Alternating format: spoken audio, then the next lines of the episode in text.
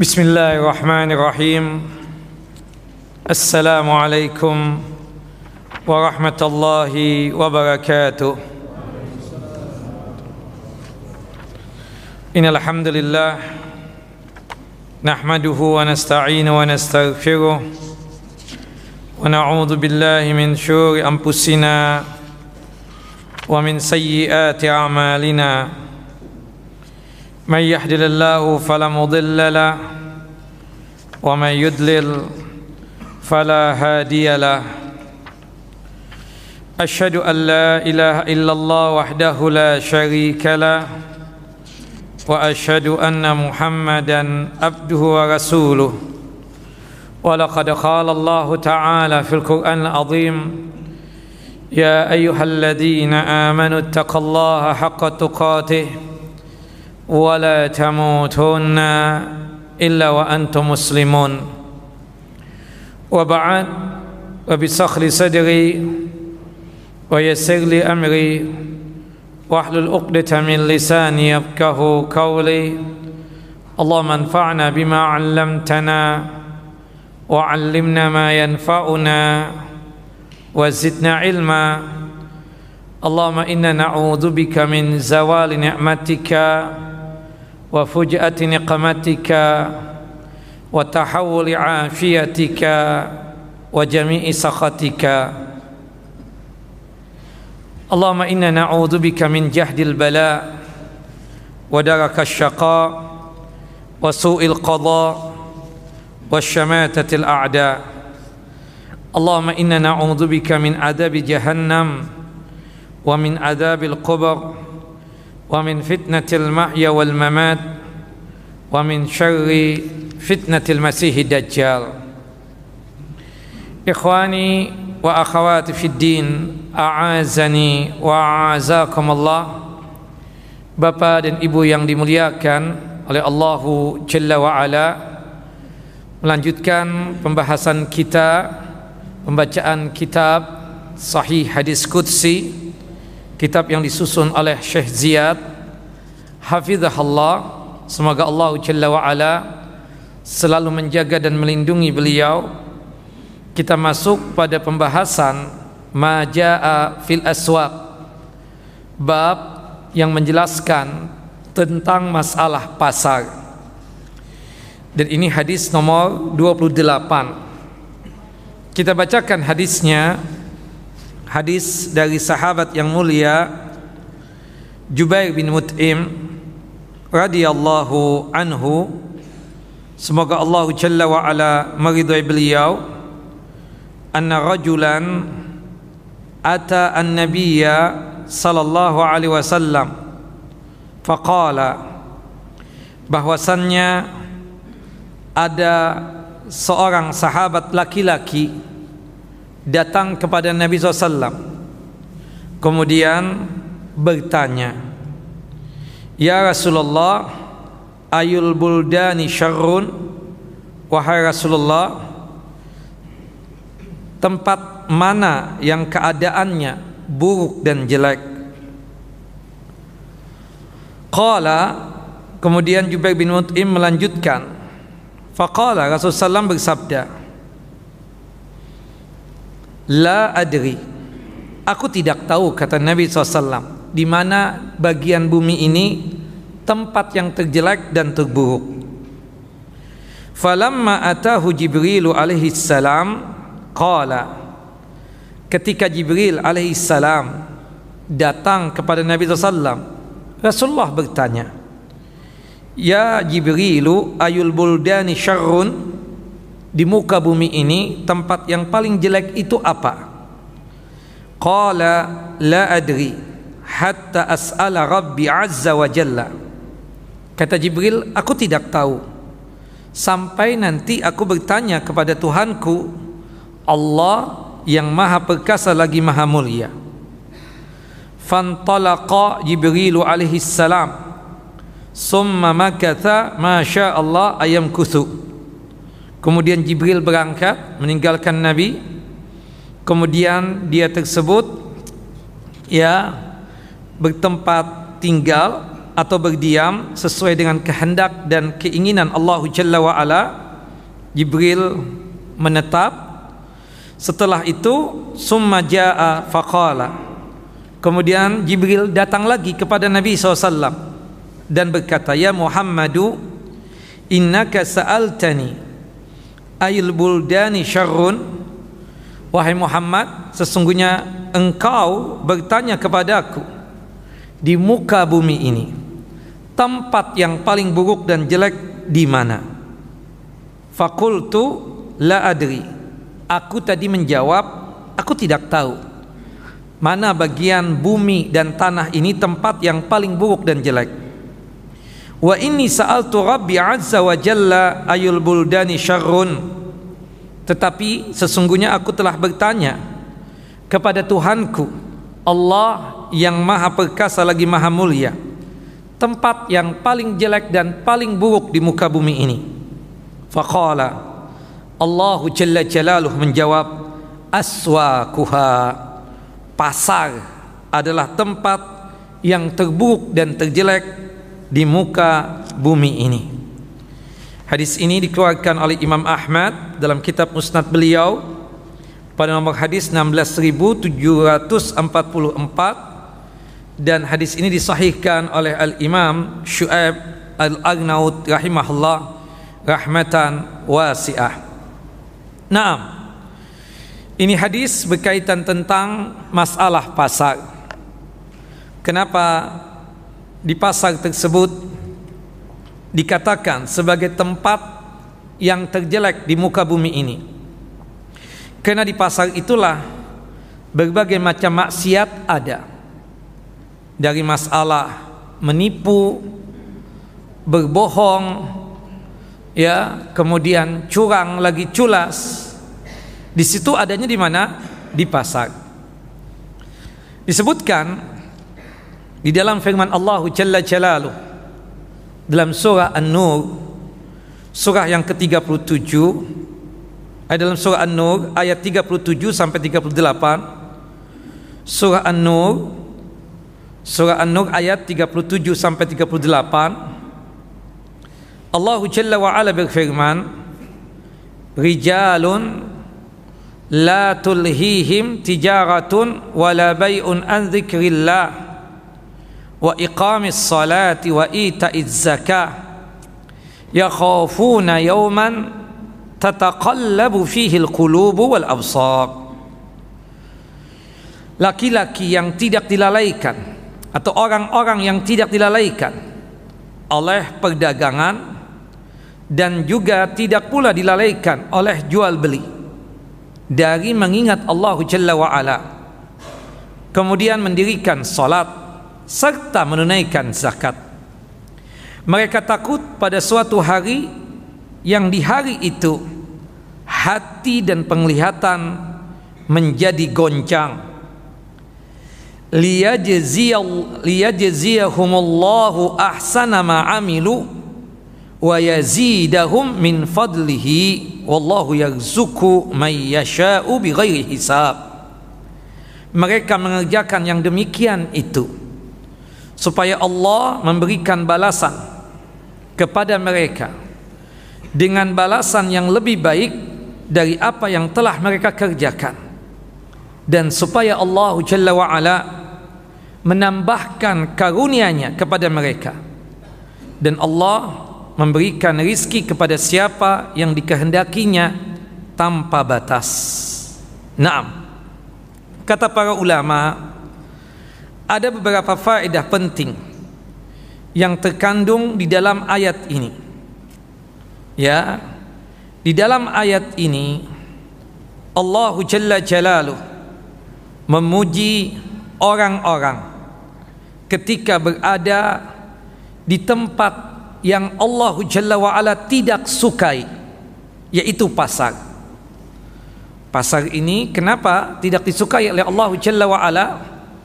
Karena pasar tersebut adalah tempat berbagai macam dosa terkadang dilakukan. Maka oleh sebab itu di dalam satu hadis yang sahih Nabi kita Muhammad sallallahu alaihi wasallam bersabda ya abghadul bilad ilallahi aswaquha tempat yang paling tidak disuka oleh Allah Jalla wa ala di muka bumi ini adalah pasar. Sedangkan ahabbul bilad ilallah ya sedangkan tempat yang paling disuka dan paling dicinta oleh Allah Jalla wa ala di muka bumi ini apa? Adalah masajiduha masjidnya Allah rumah-rumah Allahu Jalla wa ala. Maka oleh sebab itu hendaknya kita tersebut meminta perlindungan kepada Allah Jalla Jalalu ya pada saat kita tersebut memasuk ke dalam pasar. Makanya ada doa khusus ketika kita masuk ke pasar. Disebutkan di dalam hadis yang sahih hadis dari Umar bin Khattab radhiyallahu an semoga Allah Jalla wa ala meridai beliau hadis yang dikeluarkan oleh Al-Imam At-Tirmidzi, Ibnu Majah, Al-Imam Ad-Darimi serta oleh Al-Imam Hakim. Kita bacakan hadisnya An Umar bin Khattab radhiyallahu an anna Rasulullah sallallahu alaihi wasallam qala dari Umar bin Khattab semoga Allah Jalla wa ala meridai beliau bahwasanya Rasulullah sallallahu alaihi wasallam bersabda man dakhala as-suqa faqala. Barang siapa yang masuk ke pasar atau mau masuk ke pasar faqala kemudian dia berdoa la ilaha illallah wahdahu la syarikalah lahul mulku wa lahul hamdu yuhyi wa yumit wa huwa hayyun la yamut. Biyadihil khairu wa huwa ala kulli syai'in qadir. Kalau kita membaca doa ini ketika mau masuk pasar maka berbagai macam kebaikan yang kita dapatkan. Yang pertama katabalahu alfa alfi hasanatin. Akan ditulis pahala untuknya satu juta pahala. Wa maha anhu alfa alfi sayyiatin. Ketika dia mau masuk ke pasar membaca doa itu tadi maka sejuta dosa dihapuskan oleh Allah Jalla Jalaluh kemudian wa rafa'a lahu alfa alfi darajatin.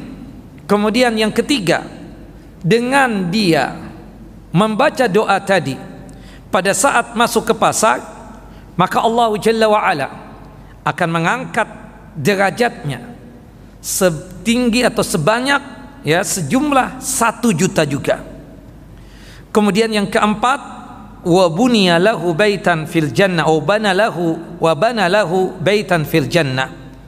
Allah Jalla wa ala akan membangunkan rumah untuknya di surga kelak Hadis yang mulia ini menunjukkan sangat besarnya keutamaan dan pahala orang yang membaca doa dan zikir tadi ketika mau masuk ke pasar.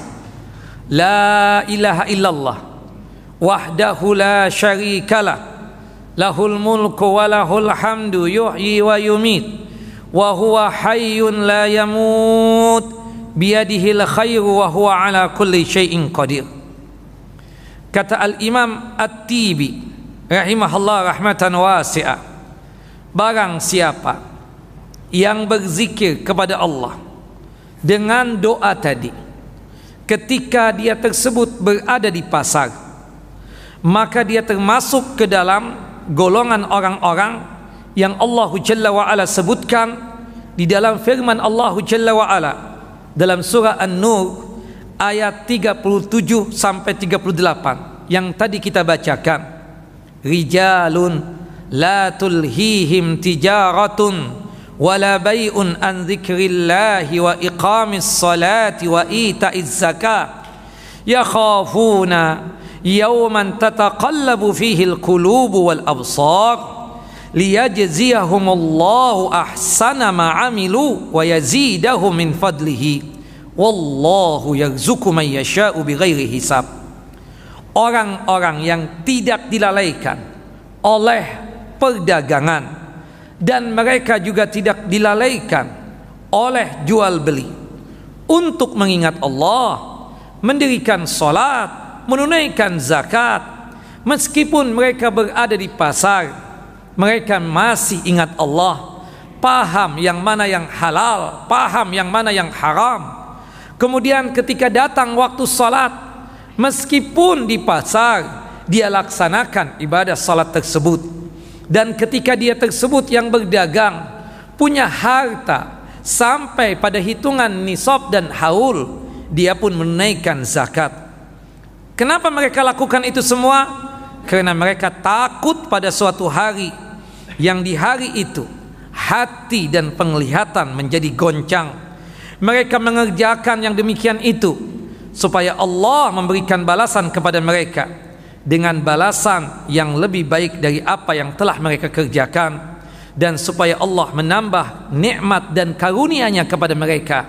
Dan Allah memberikan rizki kepada siapa yang dikehendakinya tanpa batas. Ilmu yang bisa kita dapatkan dari hadis ini. Yang pertama yang dimaksudkan dengan pasar adalah semua yang didatangkan dan diperjualbelikan padanya. Berbagai macam barang dagangan. Yang itu mencakup bisa jadi pasar tradisional atau pasar modern. Bisa jadi supermarket atau mall atau toko-toko besar. Ya barang grosiran itu. Termasuk juga apa? Pasar. Ketika antum masuk apa yang disebutkan tadi itu? Baca doa tadi itu. Sebagai wujud ingat kepada Allah. Sebagai wujud berzikir kepada Allah Jalla wa ala kemudian yang kedua ilmu yang bisa kita dapatkan dari hadis tadi pasar adalah tempat berjual beli dan tempat yang melalaikan orang dari mengingat Allah Jalla wa ala Kenapa jadi orang lalai? Kenapa jadi dia tersebut lupa akan Allah? Karena kesibukan mengurusi bisnis dan perdagangan di pasar. Maka di sanalah tempat berkumpulnya syaitan dan bala tentaranya. Sehingga orang yang berzikir di tempat seperti itu berarti dia telah memerangi syaitan dan tentaranya.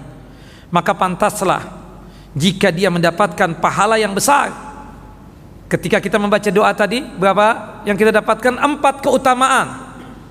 La ilaha illallah wahdahu la syarikalah lahul mulku wa lahul hamdu yuhyi wa yumit wa huwa hayyun la yamut biyadihil khair wa huwa ala kulli syai'in qadir. Apa empat keutamaan? Satu juta pahala yang didapatkan. Keutamaan yang kedua, satu juta dosa terhapuskan. Yang ketiga, satu juta derajat martabat diangkat oleh Allah Jalla Jalal. Yang keempat, ya Allah Jalla wa ala akan membuatkan rumah di surga kelak. Subhanallah. Kenapa? Dari apa uh, gencarnya serangan yang ada di pasar dengan bisnis yang dia kerjakan, dengan perdagangan yang dia kerjakan. Ya, atau mungkin sekedar kita yang datang untuk membeli Betapa banyaknya di antara kita ini ketika masuk pasar lupa tentang ingat kepada Allah, lupa akan berzikir kepada Allah Jalla Jalaluh. Ada sebagian ya kita siapa pun dia laki ataupun perempuan, tapi yang lebih kuat perempuan di sini. Ketika masuk pasar itu sangat mudah untuk melupakan Allahu Jalla Jalaluh Kadang untuk mengerjakan sholat dia lakukan secara jama. Bahkan ada yang mengkodok. Nauzubillah min dzalik. Padahal di pasar ada masjid, di pasar ada musola. Subhanallah. Padahal dia cuma sekedar sebagai pembeli. Apalagi yang pedagangnya. Ya. Pembeli customer pada datang. Karena disebutkan oleh pembeli dan customer tadi mengakibatkan dia tersebut apa? Lupa untuk ingat kepada Allah Jalla wa. Maka mereka yang ingat kepada Allah pada saat di pasar, salah satunya dengan dia membaca doa tadi, maka pahala yang luar biasa menanti dia. Empat keutamaan yang dia dapatkan. Satu juta pahala yang didapatkan. Satu juta dosa yang terhapuskan. Satu juta derajat martabat diangkat Allah Allah Jalla wa ala dan dibangunkan rumah di surga kelak. Subhanallah. Kemudian yang selanjutnya yang ketiga ya, ilmu yang bisa kita dapatkan dari hadis ini. Rasulullah SAW bersabda, tempat yang paling dicintai oleh Allah Jalla wa ala yang ada di muka bumi ini apa? Masjid. Sebaliknya, tempat yang paling tidak disukai oleh Allah Jalla wa ala adalah pasar. Yang keempat, ilmu yang bisa kita dapatkan seorang muslim yang datang ke pasar untuk mencari rizki yang halal dengan selalu berzikir dan mengingat Allah Jalla Jalaluh dan meninggalkan segala sesuatu yang diharamkan oleh Allah Jalla wa'ala maka ini adalah termasuk sebaik-baiknya usaha yang diberkahi oleh Allah Jalla Jalaluh. Sebagaimana yang disabdakan oleh Nabi kita Muhammad sallallahu alaihi wasallam ya bahwasannya paling bagusnya rizki yang dimakan oleh seseorang dari kita adalah min kasbihi dari hasil usaha dia sendiri kalau kita bisa bisnis sendiri bisa dagang sendiri itu lebih utama kalau kita berusaha sendiri, berikhtiar sendiri, itu lebih utama.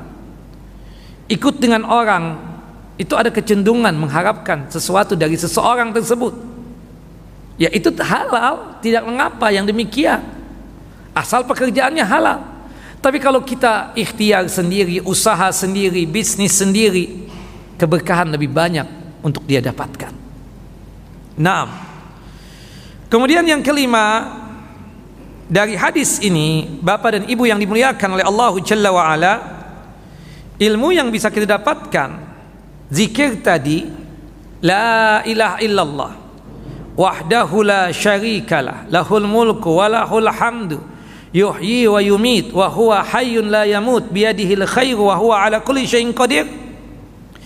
Lebih utama jika diucapkan dengan lisan disertai dengan penghayatan akan kandungan makna dalam hati dan kalbu.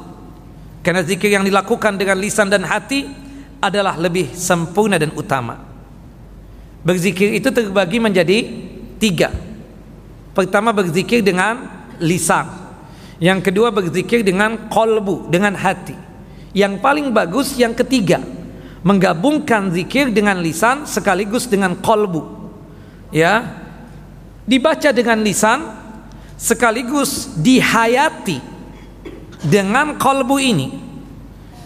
Kita pahami isi kandungan yang ada pada zikir tersebut sehingga pada saat itu ketika dia sanggup melakukan zikir dengan lisan sekaligus dengan kolbunya dengan hatinya maka ini yang lebih utama dan ini yang lebih sempurna.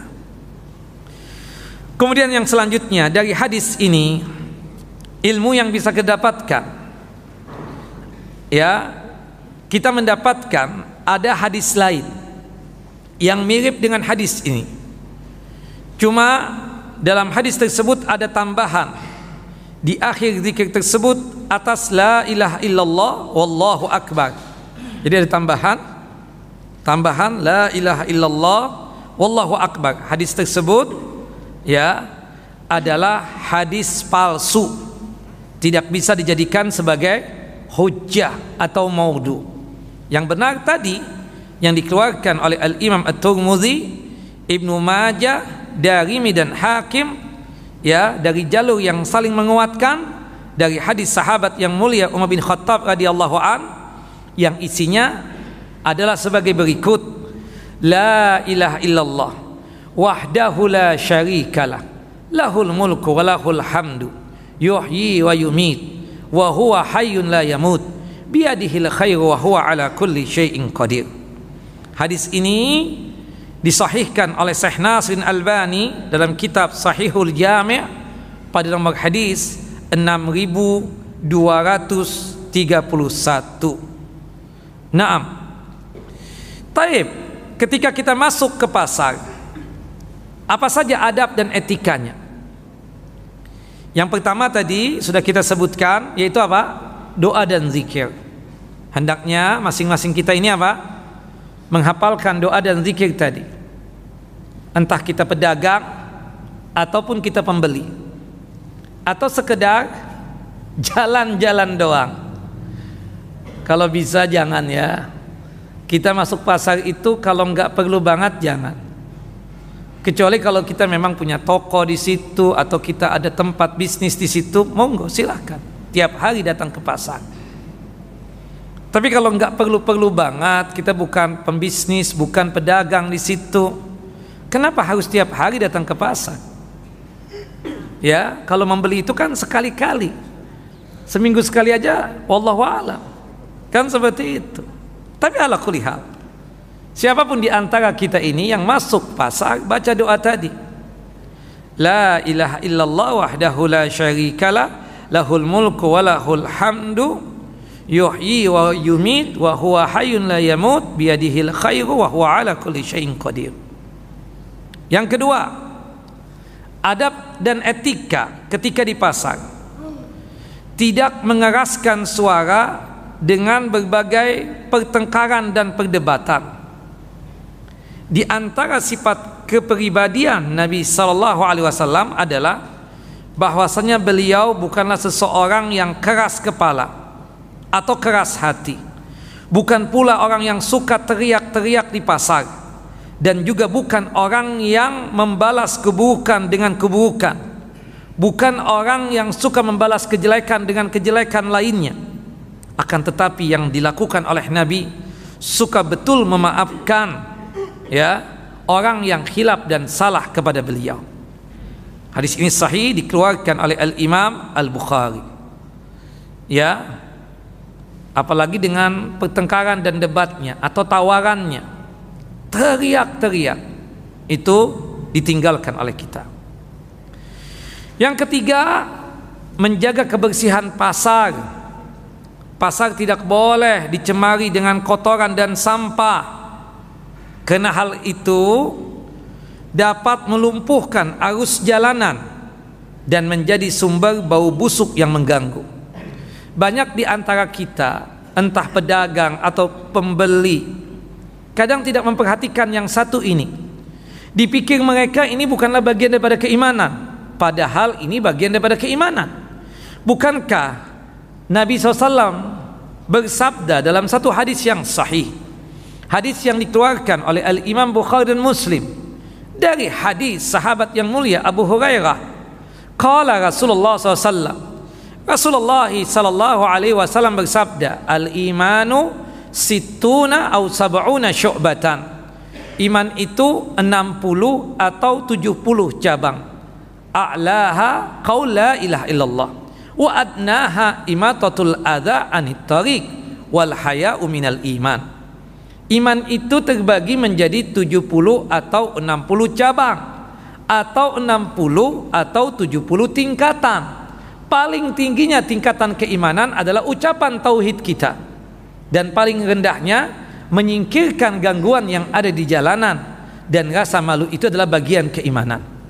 Nah, bayangkan Bapak, Ibu, kalau kita di pasar, pasarnya becek, penuh dengan sampah, dan kemudian mengganggu penciuman kita akan mengakibatkan kita tersebut malas untuk datang ke pasar tersebut kadang terpaksa saja dia datang karena ada hajat yang luar biasa yang dia yang membuat dia tersebut datang ke pasar yang bau lagi menjijikkan tadi itu makanya oleh sebab itu siapa pun kita penjual atau pembeli jaga kebersihan pasar Jangan sampai dibiarkan sampah bertumpuk sehingga membuat orang terganggu ketika melewati jalan tersebut.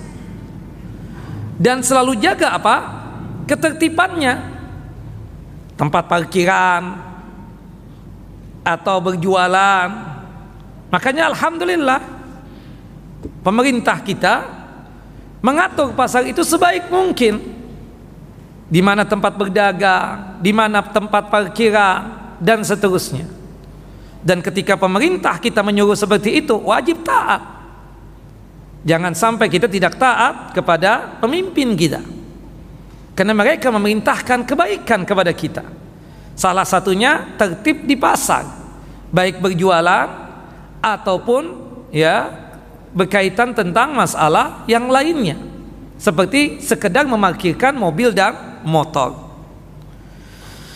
Nah, itu yang ketiga. Yang keempat, adabnya ketika kita tersebut di pasar menjaga dan memelihara agar selalu memenuhi akad dan janji serta kesepakatan-kesepakatan di antara dua belah pihak antara pembeli dan penjual. Allah Jalla Jalalu berfirman dalam surah Al-Maidah surah yang kelima ayat yang pertama Ya ayyuhalladzina amanu aufu bil uqud Wahai orang-orang yang beriman penuhilah janji kalian. Penuhilah kesepakatan-kesepakatan kalian. Penuhilah akad-akad kalian tersebut. Kalau orang berkhianat akan apa yang dia dijanjikan maka dia tersebut termasuk orang yang melakukan sifat kemunafikan. Kata Nabi kita Muhammad sallallahu alaihi wasallam dalam satu hadis yang sahih ayatul munafik salas. Tanda kemunafikan itu ada tiga Salah satunya ya disebutkan ya wa idza wa'ada akhlafa. Apabila berjanji dia ingkar. Akad yang sudah disepakati tidak mau untuk dia jalankan. Perjanjian yang sudah disepakati tidak mau untuk ditunaikan. Berarti dia tersebut telah ada benih kemunafikan dalam dirinya. Ingatlah pesan Allah Jalla wa ala tadi, untuk kita memenuhi janji-janji kita. Salah satunya dalam berbisnis, dalam berdagang. Ya, hendaknya masing-masing pihak baik ya itu e, pe, pembeli ataupun juga pedagangnya. Dalam surah Al-Mutaffifin ayat 1 sampai ayat 6 Allah Jalla wa ala berfirman Wailul lil mutaffifin celakalah orang yang curang Siapa mereka yang curang tersebut? Alladzina idza ktalu 'alan nasi yastawfun. Apabila mereka tersebut membeli, mereka tersebut ingin disempurnakan. Kalau bisa lebih sudah ditimbang pas, ya. Sempurna dia inginnya. Bahkan tolong dong tambah satu, tolong dong ditambah sedikit lagi. Itu adalah orang yang coba curang dan culas wa idza kaluhum aw wazanuhum yukhsirun. Tapi sebaliknya kalau dia menjadi penjual atau pedagangnya dia ingin mengurangi barang tersebut. Culas dan curang. Ya ingat kata Allah Jalla wa jangan kalian menyangka bahwasanya tidak dibangkitkan kalian ini. Kalian akan dibangkitkan di hari yang agung yaitu hari kiamat yang di mana kelak akan mempertanggungjawabkan apa yang dia perbuat selama dia tersebut berada di pasar yang di mana mereka tersebut akan kembali ke Tuhannya Allah Jalla wa ala sebagai pencipta dan pengatur alam semesta ini. Naam, penuhi janji, jangan sekali-kali tidak memenuhi janji apalagi sampai berkhianat. Wal billah. Karena sifat mengingkari janji sikap berkhianat adalah salah satu sifat dari orang-orang munafik. Yang keenam, yang kelima, enam. Yang kelima, bersikap ramah dan memberikan kemudahan di dalam proses jual beli. Kita yang beli ramah. Kita yang menjual pun juga begitu. Ya. Rasulullah SAW mengatakan Allah akan memberikan rahmat dan kasih sayangnya kepada seorang hamba yang ramah apabila menjual. ramah apabila dia membeli. Ramah apabila memberikan keputusan. Sebab hadis sahih dikeluarkan oleh al-Imam al-Bukhari. Baik ketika menjual baik ketika membeli dan baik ketika menetapkan keputusan. Yang keenam ilmu yang bisa kita dapatkan dari hadis ini kita jangan mudah ya mengobrol sumpah di dalam berjual beli baik dari pedagang ataupun pembeli. Kakak kakak mampir mampir. Kita bilang berapa nih? Sejuta ya lima ratus ribu deh ya tadi aja barusan. Maaf kak. Maaf bang. Ada yang tawar 800 anak nggak lepas. Bohong dusta. Wallahi demi Allah lagi. Nauzubillah min zalik. Padahal orang yang suka bersumpah atas nama Allah tapi bohong untuk melaris maniskan ya dagangannya itu mendapatkan ancaman apa? Ya tidak diajak bicara oleh Allah Jalla wa ala pada hari kiamat kelak tidak dilirik dan dilihat oleh Allah Jalla wa ala. Tidak disucikan oleh Allah Jalla wa ala. Dan dipastikan dia tidak masuk surga. Mendapatkan siksa api neraka. Wal billah. Termasuk kita juga kadang pembeli. Bohong juga. Kita nggak ke mana-mana. Ini toko yang pertama kali yang kita kunjungi di situ. Nggak ngitari seluruh toko. Kita tawar misalnya ya kalau kita bilang ini berapa harganya? Sejuta ah itu di toko situ cuma 600 bohong Padahal dia nggak pernah ke toko yang di sana. Makanya penjualnya kadang masa sih atau ingin apa istilah kata lu jual gue beli deh. Kalau benar 600 pak, demi Allah saya akan beli di situ. Menantangi dia. Oh iya, demi Allah di situ 600. Coba antum datang ke sana. Ayo kita berdua, nggak berani. Kena bohong. Nauzubillah min zalik. Naam. Maka jangan mudah mengobrol sumpah demi Allah demi Allah haram yang demikian. Ya. Kenapa antum bersumpah atas nama Allah? Ingin supaya dagangan antum laris manis. Wallahu a'lam. Yang ketujuh, menghindari yang haram dalam jual beli. Dalam jual beli itu muamalah harta itu dikatakan haram kalau ada empat hal berikut ini. Dalam akad jual beli dianggap itu akad tidak benar atau haram itu kalau ada empat hal ini. Yang pertama ada kezaliman di dalamnya. Yang kedua ada riba. Yang ketiga goror. Ya sesu apa akadnya tidak jelas atau barangnya tidak jelas nggak ketahuan gimana ini. Namanya apa goror yang keempat adalah khidah ada tipu, ada tipuan di situ. Ya, ada tipu menipu di situ.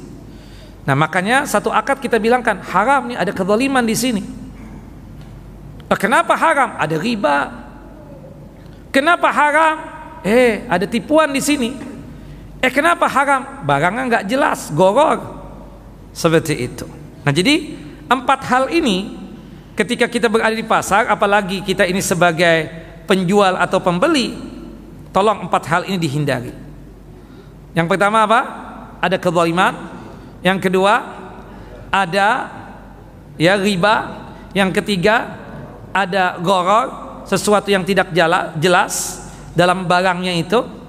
Yang keempat ada khidah atau tipuan khidah nah makanya kita hindari empat hal ini ya Rasulullah SAW bersabda Allah mengutuk dan melaknat para pelaku riba, pemberi riba atau bahkan menjadi saksi untuk apa? Untuk uh, melakukan akad riba atau juga dikutuk orang yang menulis akad yang ada ribanya tadi. Hadis sahih dikeluarkan oleh Imam Ahmad dan disahihkan oleh Syekh Nasirin Albani rahimahullah rahmatan wasi'ah. Naam. Termasuk juga ini ada kaitannya dengan yang ketujuh ya, tidak hakarah ihtikar atau ihtikar menimbun barang dia tahu nih ada kenaikan barang nanti dia beli sebanyak-banyaknya nimbun beras nimbun sembako. Dia nggak jual hari itu. Nanti kalau sudah kenaikan harga baru dia jual. Ini dilarang oleh Nabi SAW naha Rasulullah SAW anil ihtikar. Rasulullah SAW melarang kita untuk apa? Menimbun barang. Wallahu alam bisawab hadis ya dikeluarkan oleh Imam Muslim. Yang kedelapan membersihkan pasar dari segala barang yang haram diperjualbelikan. Susah ya? Pasar pasti ada. Supermarket deh yang kecilan. Ada nggak barang yang haram? Oke, ada. Ada rokok di situ, kadang ada wine, ada bir.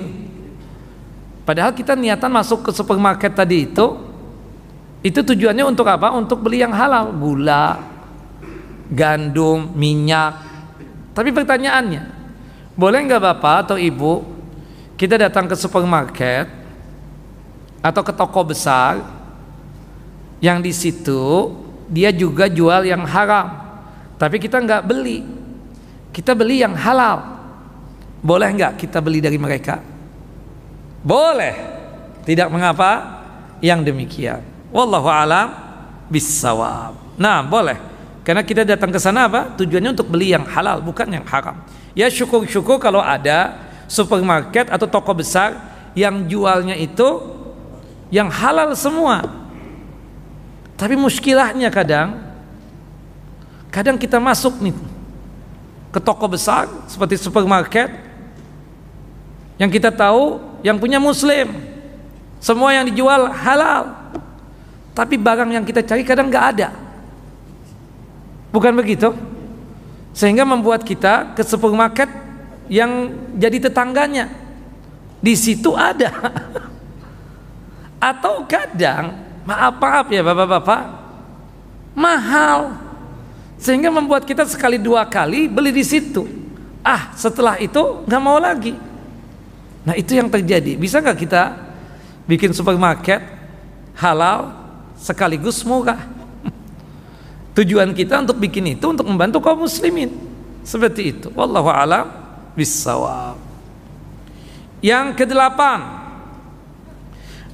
ya, menghindari iklan-iklan palsu, promosi-promosi palsu yang bertujuan menarik perhatian pembeli dan mendorongnya untuk membeli.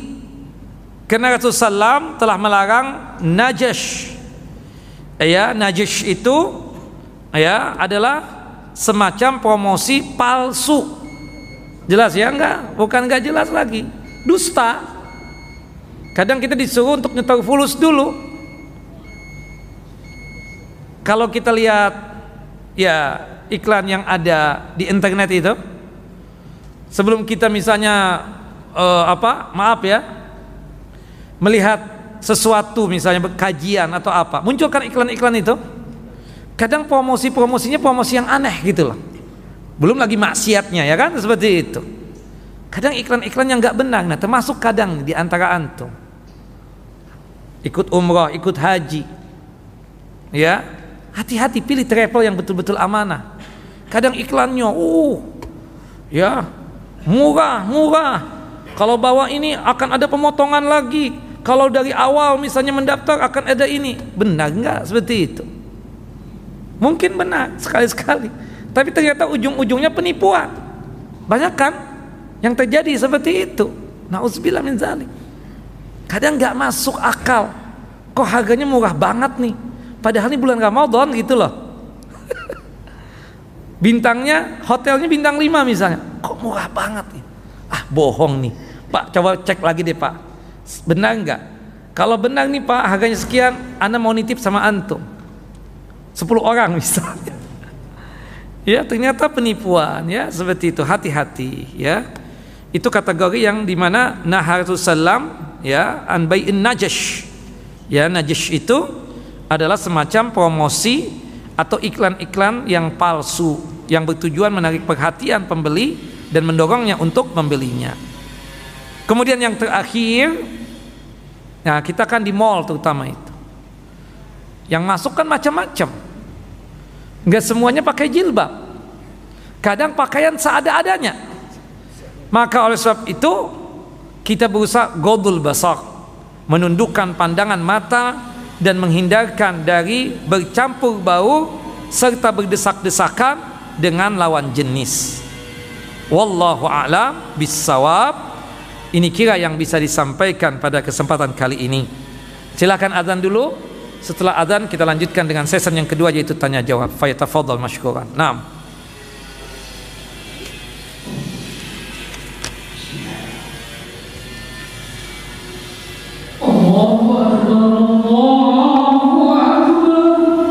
Allahu Akbar.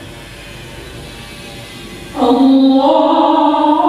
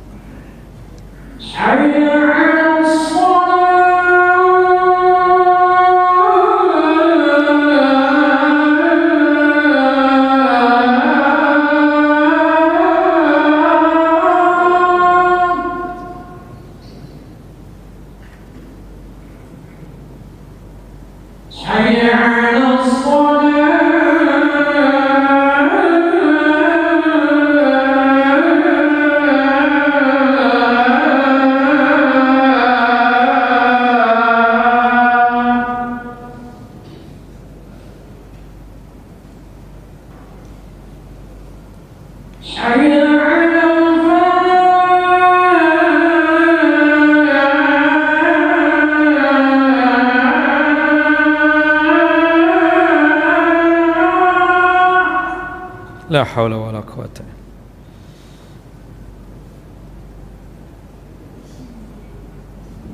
حي على الفلاح.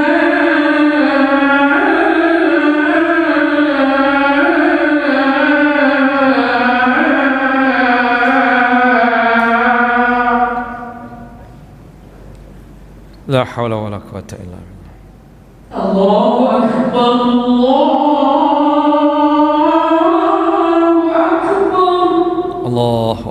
الله أكبر. لا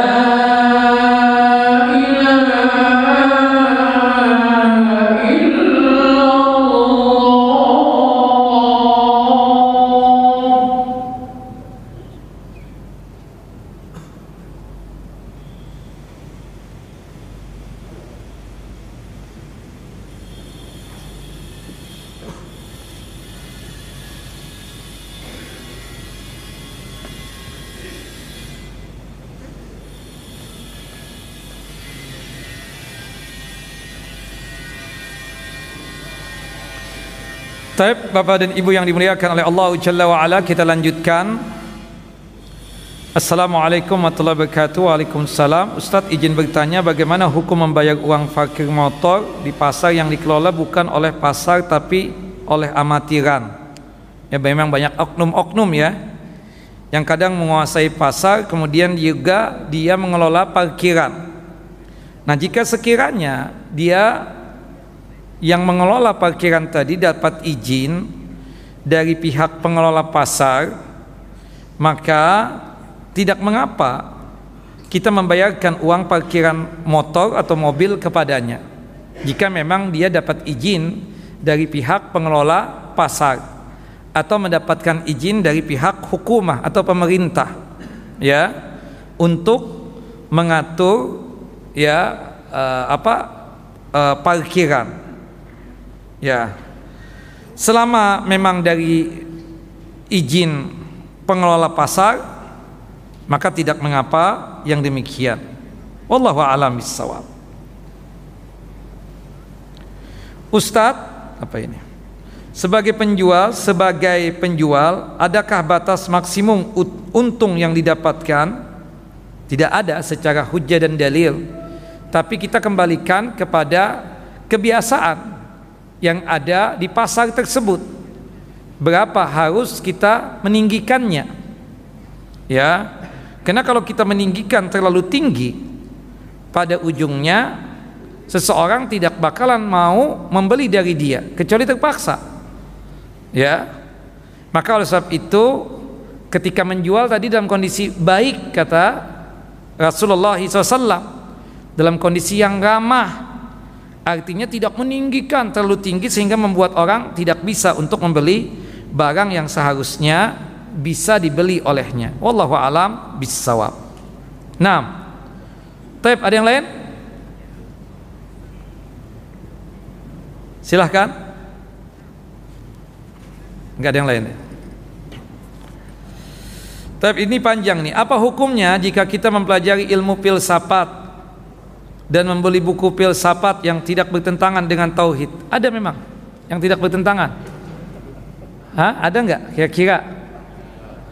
Itu kan dalam bahasanya ilmu kalam ya. Ilmu kalam. Imam Asy-Syafi'i, Imam Muhammad bin Idris Asy-Syafi'i ya rahimahullah rahmatan wasi'ah adalah seorang imam ulama yang banyak membantah tentang masalah ilmu kalam ini, filsafat, terutama yang berkaitan tentang masalah akidah. Terutama yang berkaitan dengan masalah akidah. Ya,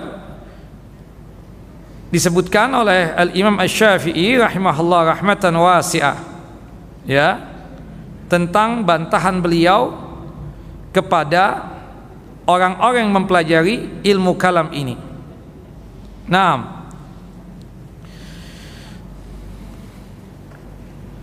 Kemudian dikatakan oleh Syekh Muhammad bin Shalih Utsaimin rahimahullah rahmatan wasi'ah. Kata beliau, "Inna ahlal kalami humul ladzina i'tamadu fi isbatil aqidah 'alal aql." Ahlul kalam, orang yang belajar ilmu kalam filsafat adalah orang-orang yang bersandarkan pada akal dalam menetapkan perkara-perkara akidah. Padahal kalau dalam masalah akidah ini kebanyakan nakal. Nakal itu sumbernya dari Al-Qur'an dan sunnah Nabi SAW as-sahihah. Munculnya sakte-sakte sesat itu dikenakan ahlul kalam. Dikenakan filsafat itu. Ya akidah asyairah yang tadi apa mereka itu melucuti nama dan sifat Allah Jalla wa ala atau melucuti sifat-sifat Allah Jalla Jalalu. Itu sumbernya dari situ asal mulanya. Sehingga mereka ada yang menetapkan cuma sekedar tujuh sifat Allah ada mengatakan tiga belas ada mengatakan dua puluh. Nah sifat dua puluh itu itu sumbernya kita katakan dari apa? Dari ahlul kalam tadi itu.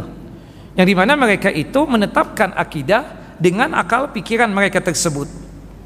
Nah maka oleh sebab itu hindarilah ya berkaitan tentang masalah yang demikian. Jangan sampai kita mempelajarinya berbahaya buat kita tersebut. Makanya dikatakan oleh eh, apa sebagian ulama ketika menjelaskan tentang masalah ini ketika menjelaskan tentang filsafat kata filsafat ya bukan asli dari bahasa Arab apalagi dalam kamus syariat Islam ini kata filsafat berasal dari Yunani ya yang di mana mereka itu para penyembah dewa. Ya terbentuk dari dua susunan pilo yang bermakna cinta dan penggalannya kedua yaitu Sofia yang bermakna hikmah. Artinya kalau diartikan filsafat penggalan hikmah.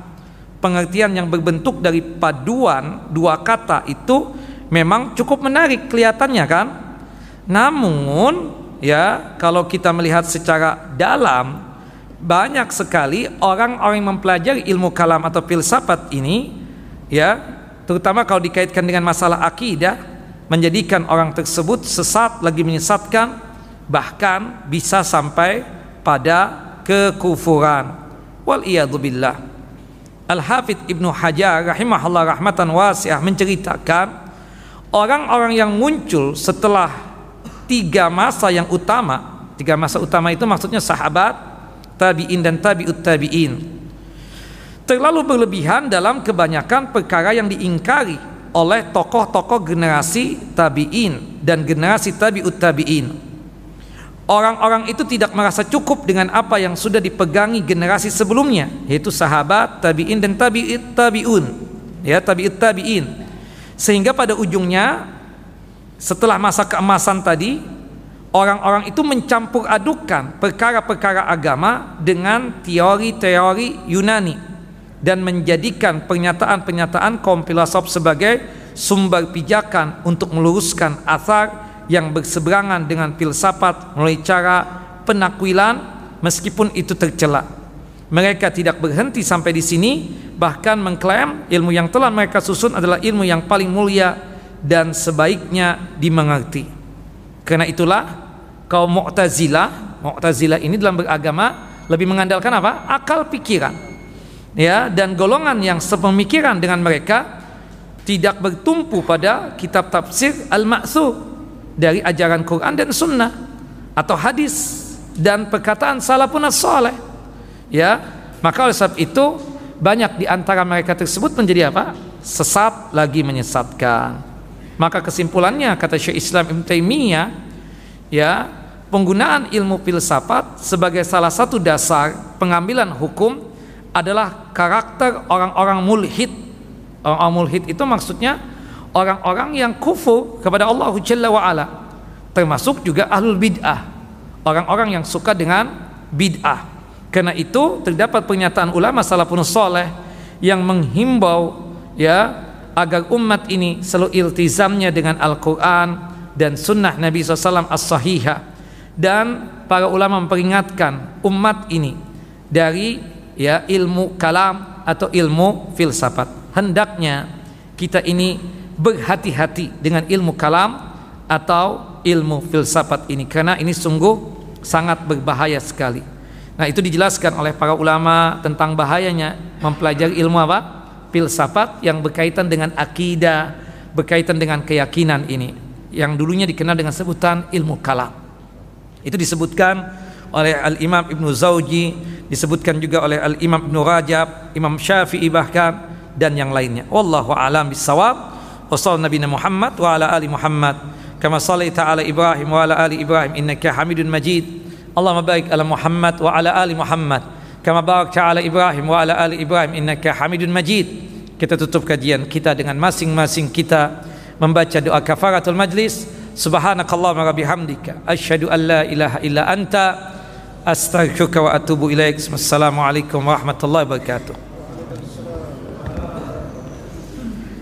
Allahu Akbar